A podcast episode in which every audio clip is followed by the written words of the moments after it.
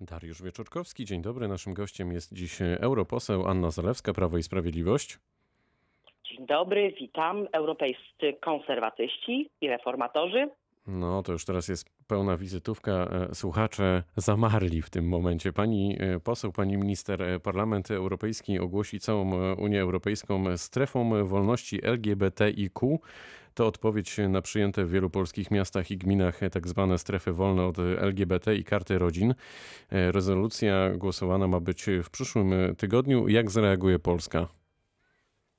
E, myślę, że Państwo się już zdążyli e, przyzwyczaić, e, że ten skład Europarlamentu i naszych koleżanek i kolegów z totalnej opozycji, szczególnie agresywnej lewicy w postaci na przykład Roberta Biedronia, za każdym razem chciałby przyjmować ideologiczną uchwałę, jakby widząc, że taki jest y, trend w Parlamencie Europejskim, który jest absolutnie socjalistyczno-ideologiczny. E, myślę, że ta uchwała zostanie przyjęta, jest skandaliczna, absurdalna, nieprawdziwa, dlatego że e, to nie jest tak, jak pan redaktor e, wspomniał, że były w Polsce jakieś strefy wolne od LGBT. Ja zaznaczyłem, że tak zwane, event, pani minister, tak zwane. A, dziękuję. To event aktywisty LGBT, który przecież przejechał całą Polskę i pod tablicami z informacją o nazwie miejscowości przyczepiał takie właśnie napisy i taką właśnie informację. E, jak widać skutecznie, bo stworzył taki e, obraz nieprawdziwy. no to, to ja powrócę do pytania. Jeżeli chodzi o e, osoby LGBT, mamy wszystkie przepisy, które e, osoby te chronią. E, w Polsce nie ma e, przypadków dyskryminacji, jeżeli się zdarzają i to nie tylko w stosunku Pani minister, do to ja, za, ja, ja powrócę do, do pytania, jak zareaguje Polska na tę rezolucję? które absolutnie, które absolutnie wspierają te środowiska. No to jest rezolucja, tak jak powiedziałam, nieprawdziwa, fałszywa, tak jak wiele już między innymi o edukacji E, seksualnej, gdzie Robert Biedron wstawał i mówił, że nie ma edukacji seksualnej w polskich szkołach, mimo że komisarz mu tłumaczył, że e, to nie jest e, w gestii Parlamentu Europejskiego, Komisji Europejskiej, że to jest wyłączność krajów członkowskich, to i tak odbyła się debata i tak no została chyba, przegłosowana chyba europoseł, rezolucja. Chyba europoseł Biedroń nacisnął pani na odcisk, bo już dwa razy pani go wymieniła, pomimo tego, że nie ma go w naszym studiu. Jest szczególnym ideologiem, który sposób e, zaplanowany e, nadwyręża dobre imię e, Rzeczypospolitej. Stąd pewnie moje odniesienia właśnie do niego. Robi to rzeczywiście systematycznie, z premedytacją, posługując się co najmniej półprawdami. No to wracamy do kraju, a raczej na pogranicze. Czechy złożyły pozew przeciwko Polsce do Trybunału Sprawiedliwości Unii Europejskiej w związku z rozszerzeniem kopalni węgla brunatnego Turów. Nasi południowi sąsiedzi domagają się wstrzymania wydobycia w Turowie do czasu decyzji TSUE. Co właściwie teraz może się wydarzyć, Pani zdaniem? Od razu poprawiam. Przepraszam, panie redaktorze, ale taki mój jest e, też obowiązek, a pan redaktor jest mądrym człowiekiem, więc no, bardzo dziękuję pani minister. E, redaktora e, tym sformułowaniem, że mm, no, będzie rozszerzona mm, strefa wydobycia. Nie, to nieprawda. Nieprawda powtarzana przez różnego rodzaju media. E, to ja nie, wiem, bo ja staram się zawsze, wie pani, y, do źródeł sięgać i tak to, tak, tak to zagadnienie jest opisywane. Rozumiem, zacytował pan skargę, e, skargę e, czeską. Dokładnie tak. Ta skarga, tak, okej. Okay. Oni podnoszą nieprawdziwe kwestie o czym dowiedzieli się już przed Komisją Europejską, dlatego że w grudniu po takiej e, wielostopniowej akcji ze strony czeskiej, ale i odpowiedzi ze strony e, polskiej i w Komisji Petycji i przed e, Komisją Europejską, Komisja Europejska tak naprawdę powiedziała, że te zarzuty są nieprawdziwe, ani te dotyczące obniżenia poziomu wody, bo to badania między innymi Instytutu Meteorologii i Gospodarki wodnej i to właściwie 30-letnie e, czy e, gesty polskich samorządowców chcących podłączyć e, do sieci e, wodno-kanalizacyjnych sąsiadów e, czeskich, e, czy też nieprawdziwa jest kwestia zarzucania Polsce e, nieprawidłowo przeprowadzonych konsultacji transgranicznych? Zostały e, z nadmiarem. Łącznie ze zobowiązaniami chyba we wrześniu, w październiku 2019 roku, m, gdzie Polska, e, a przede wszystkim kompleks Turów zobowiązał się ponad, do ponad standardowych e, działań na rzecz e, czeskich sąsiadów. Tak jak właśnie nieprawdziwą jest informacja, że Turów jakoby się gdzieś tam rozszerzał. To, to zatrzymajmy się tu na chwilę, bo w tak- zwanym, pani minister, bo w tak zwanym międzyczasie jeszcze sobie specjalnie wbiłem w wyszukiwarkę No. ten zwrot rozszerzenia kopalni węgla brunatnego Turów. E, Faktycznie jest tak, że absolutnie wszystkie media polskojęzyczne e, podają e, te informacje i w- właśnie w Tak, takim, a ja w takim informuję jako kształcie. osoba zajmująca się e, Turowem, To wspierająca... mam nadzieję, że to jeszcze wejdę w słowo. Mam nadzieję, że Polska Agencja. Prasowa, Polska Agencja Prasowa również skoryguje w takim razie ten, e, ten Zadbam przekaz po to, pani, po pani interwencji. Dobrze.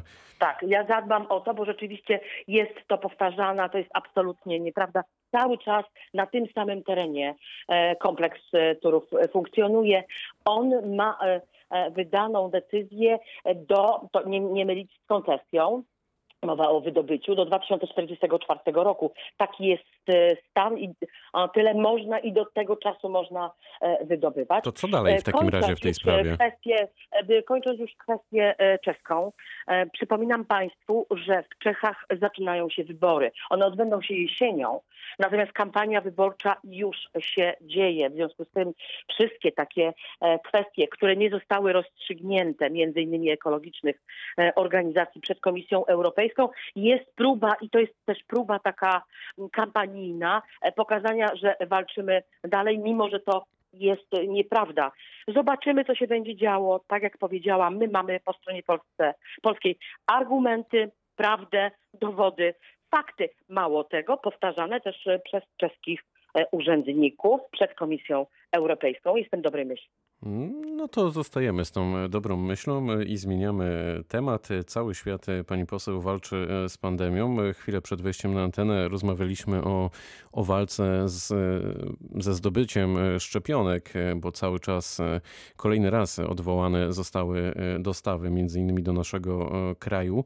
Kto właściwie za to odpowiada formalnie? Czy pani przewodnicząca Ursula von der Leyen, która negocjowała powinna nieco mocniej na przykład tupnąć nogą albo walnąć e, pięścią, uderzyć pięścią w stół, czy może w ogóle powinna stracić e, stanowisko w związku z tym wszystkim? E, Na pewno sytuacja ze szczepieniami ją dyskwalifikuje. E, Nie wiem, czy e, pan redaktor, państwo nie mają wrażenia, że Unia Europejska tak od kryzysu do kryzysu, z którymi sobie nie może poradzić. Skąd wziął się pomysł na wspólne zakupy? Ano z tego, że na początku pandemii Unii Europejskiej nie było. Pamiętam rozpacz Włochów, która była wręcz pokazywana podczas posiedzenia Parlamentu Europejskiego, gdzie zostali odcięci absolutnie od wszystkiego, maseczek, respiratorów, nie było nic, nikt im nie chciał pomóc na początku e, pandemii. I to miał być wniosek, że jesteśmy razem e, w przetargach, podpisujemy wcześniejsze umowy, e, dajemy pieniądze e, na badania, na rozruch, na produkcję. To są miliardy euro, to żebyśmy sobie zdawali z tego sprawę. I nie pani komisarz oczywiście negocjuje, bo tam jest e, komitet sterujący. Pod tym komitetem jeszcze jest taka grupa negocjacyjna składająca się z kilku tylko państw, które m, e, prawda, wspierają w tych negocjacjach ten komitet i Komisję e, Europejską. I niestety em, zostały źle sformułowane e, umowy. Ja cały czas apeluję o to, żeby one były aneksowane. To są miliardy pieniędzy, miliardy euro, przepraszam, obywateli europejskich, którzy nie otrzymują produktu, za który właściwie już e, zapłacili. Nie byłoby tych szczepionek, gdyby nie wcześniejsze pieniądze e, Unii Europejskiej. To pani Ursula von der Leyen ja powinna być e, odwołana? Korytarzowe pogłoski zaczynają e, już być dosyć głośno. Rzeczywiście jest duża emocja w stosunku do pani von der Leyen, dlatego że my jesteśmy szantażowani przez firmy farmaceutyczne. Panie redaktorze, umowa z AstraZeneką, myślę, że niewiele osób ją e, czytało, jest taka, że oprócz zagwarantowania im ogromnych pieniędzy, to Unia Europejska nie zagwarantowała sobie niczego, ani konsekwencji prawnych, ani odsetek, e, ani e, dyscypliny w dostarczaniu szczepionek. E, Wręcz pojawia się takie sformułowanie mówiące o tym, że no, owszem, firma w miarę możliwości będzie się starała i tak dalej. No to nie są twarde zapisy, które gwarantują bezpieczeństwo obywateli Unii Europejskiej. Dlatego nie dziwmy się, że kraje europejskie, kraje członkowskie w rozpaczy mm, szukają różnych e, rozwiązań. Em, Oczywiście na rynku szczepionek, które mają już e, badania, które przeszły określone e, procedury. Prawo i Sprawiedliwość rozwiązało kilka tygodni temu struktury w Wałbrzychu. Czy wie pani, kiedy zostaną e, powołane nowe?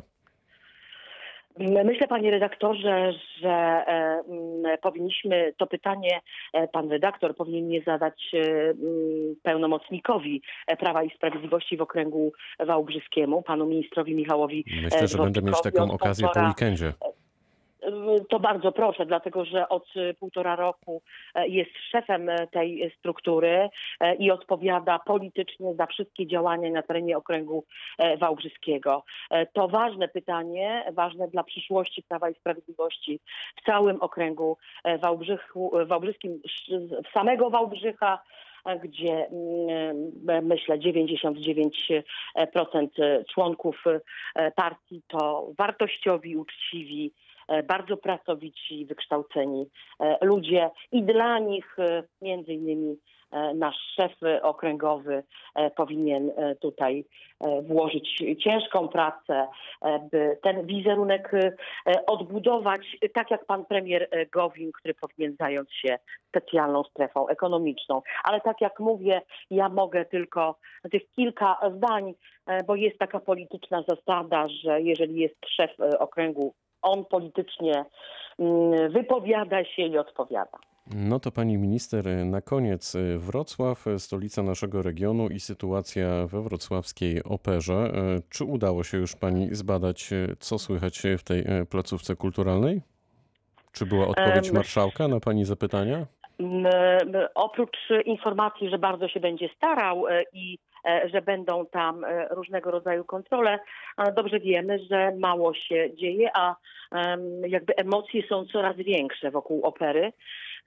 To szkoda, dlatego że pracownicy, to nawet chyba złe słowo pracownicy, artyści, mają ogromny żal, pretensje w czasie pandemii e, e, mają takie same kłopoty jak każdy obywatel, który nie pracuje, a oni szczególnie są e, wyłączeni. E, Mam nadzieję, e, że pan marszałek Przybylski, bo bardzo pilnował tego, żeby departamenty związane z kulturą i kultura, która podlega e, sejmikowi, e, przynależała się jego osobistemu e, nadzorowi. E, Mam nadzieję, że tego e, przypilnuje. Tutaj nie ma żadnego usprawiedliwienia. To nie jest kwestia, czy zostały naruszone przepisy, czy nie, choć uważam, że tak. E, Natomiast to jest demoralizujące, kiedy w czasie, kiedy to nie ma żadnej aktywności, z kimś podpisywana jest umowa na 3 miliony złotych. Przepraszam, użyłam sformułowania kimś z wybitnym, z wybitnym artystą, ale to nie usprawiedliwia zdarzenia. Musimy kończyć. Jest ono dyskwalifikujące, demoralizujące. E, Pani e, szefowa e, opery powinna e, naprawdę, myślę, podać się do dymisji. Europoseł Anna Zalewska, Prawo i Sprawiedliwość, była gościem e, dzisiejszej rozmowy Dnia Radia Wrocław. Bardzo pięknie dziękuję za spotkanie. Bardzo dziękuję. Pytał Dariusz Wieczorkowski. Dobrego dnia, dobrego weekendu.